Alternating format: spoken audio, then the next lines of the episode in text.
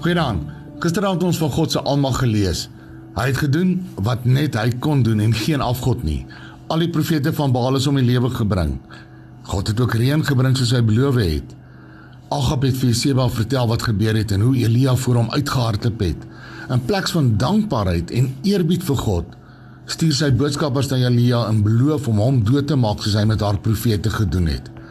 Nou hoekom is dit so moeilik vir sommige mense om van eersug, mag en vervolgingswaan ontslae te raak? Jy ken vandag ook sulke mense. Hulle is in elke familie.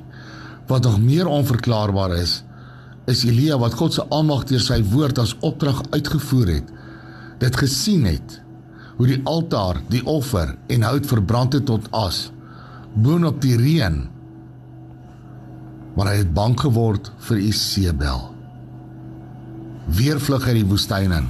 Van Jero tot Zero in een dag.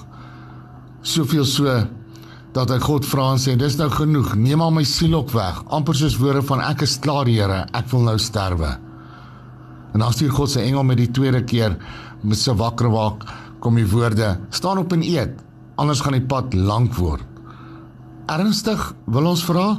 Dit klink so gevoelloos so asof God regtig nie omgee nie wel dit was so God wou vir Elia ontmoet by die berg hoor het Hy het nodig gehad dat Elia vir hom alleen ontvanklik sal wees.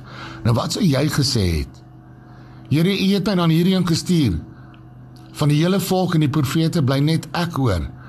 Nou is ek nog honger en dors en ek vlug vir my lewe.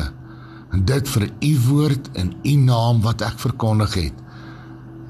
En die Here antwoord net dat hy wil verbygaan. In 1 Konings 19 lees ons en hy het gesê gaan uit en staan op die berg voor die aangesig van die Here en kyk die Here het verbygegaan terwyl 'n groot sterk wind die berge skeur en die rotse verbreek voor die Here uit. En die wind was die Here nie. En na die wind was daar 'n aardbewing en die aardbewing was die Here nie. En na die aardbewing vuur en in die vuur was die Here nie. En na die vuur die gesuis van 'n sagte koelte en toe Elia dit hoor het hy sy gelaat met sy mantel toegedraai en uitgegaan en by die ingang van die spelonk gaan staan.